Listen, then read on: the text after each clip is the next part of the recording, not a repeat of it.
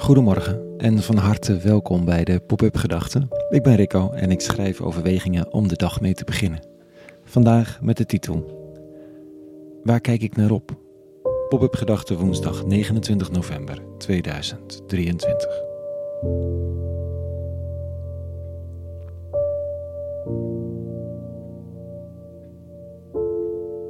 Het sneeuwt vanochtend. Niet veel, maar wel genoeg om heel duidelijk te maken dat de winter toch wel echt begonnen is.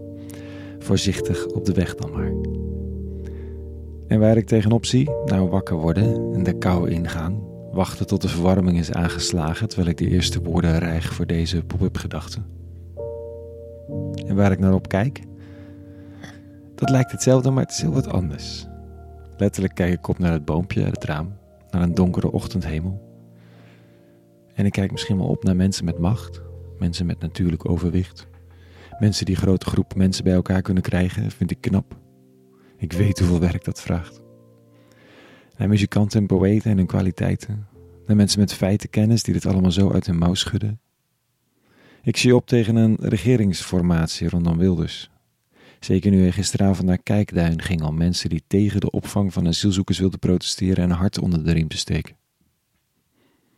Gelukkig waren er genoeg Hagenezen die zich niet van de wijs lieten brengen en vonden dat deze mensen toch ergens moesten slapen. Nou dan, klaar. Zo is het precies, Den Haag. Vanochtend lees ik in de tekst over een feest dat verstoord wordt door een vreemd verschijnsel op de muur. Terwijl de gasten van een oude, oppermachtige koning zich te goed doen aan een feestmaal van ongekende omvang en drinken uit bekers die uit de tempels zijn gehaald, verschijnt er een hand op de muur met een dreigende tekst. Daniel wordt gehaald om de boel uit te leggen en hij zegt onder andere dit.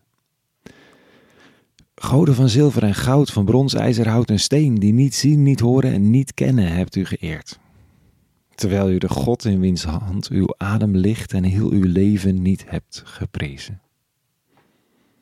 Terwijl u de God in wiens hand en uw adem ligt en heel uw leven niet hebt geprezen. God van de adem, de hand waarin heel mijn leven ligt, de harteklop van de wereld, de adem en beweging zelf. Het verwijt van Daniel gaat niet eens over de luxe, over de verkwisting, over de heiligschennis.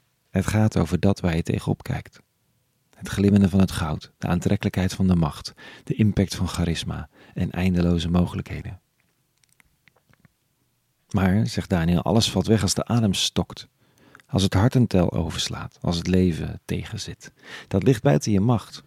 Met goud en zilver kun je slepen. Met adem, licht en liefde niet. Die ontvang je. Dat is er. Dat wordt je gegeven. En wie de eindeloze rijkdom daarvan niet in dankbaarheid erkent, staart zich blind op prularia. Hoe heilig de tempelschatten ook voor velen zijn. Het heeft geen betekenis in vergelijking met leven en adem. Dus als ik vrees voor almachtige structuren, opkijk tegen succesvolle mensen of de steek van jaloezie voel, als ik vertrouw op geld en inkomsten of op een verzekering en een warm huis, dan is dat niet geheel onlogisch, maar ook een beetje kortzichtig. De uitnodiging van de oude teksten van christendom is om contact te zoeken en te vinden met de maker van het leven, met de God van de adem, met licht en liefde zelf. En dan is er geen onderscheid meer tussen mensen, tussen kwaliteiten en hoog en laag en macht en kwetsbaarheid, want dan zijn we allemaal even afhankelijk, elke seconde van de dag. Dan dank ik als de dag begint dat er adem is en leven, en is de rest er afgeleide. Dan klaag ik, mopper of frustreer ik me, maar wel bij de eeuwige, degene die de tijd in de hand houdt en die er volgens de overleveringen altijd is geweest en altijd zal zijn. En dat brengt iets van rust. Het relativeert de macht van geld en van middelen. Het brengt me ergens weer thuis, in mezelf en bij degene met wie ik leef.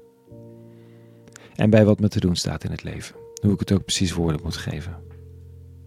Oh, en uiteindelijk bij de liefde. Dat leven liefhebben is. En dat dit onbetaalbaar is en vrij en eigenwijs. Als een oude Daniel-profeet tegen een halfzatte koning die omringd is met goud uit al de landen die hij heeft veroverd. En die hem de wacht aanzegt, omdat hij geen idee heeft van wat werkelijk belangrijk is in het leven.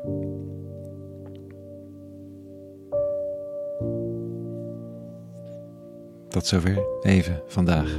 Een hele goede woensdag gewenst. En vrede. En alle goeds.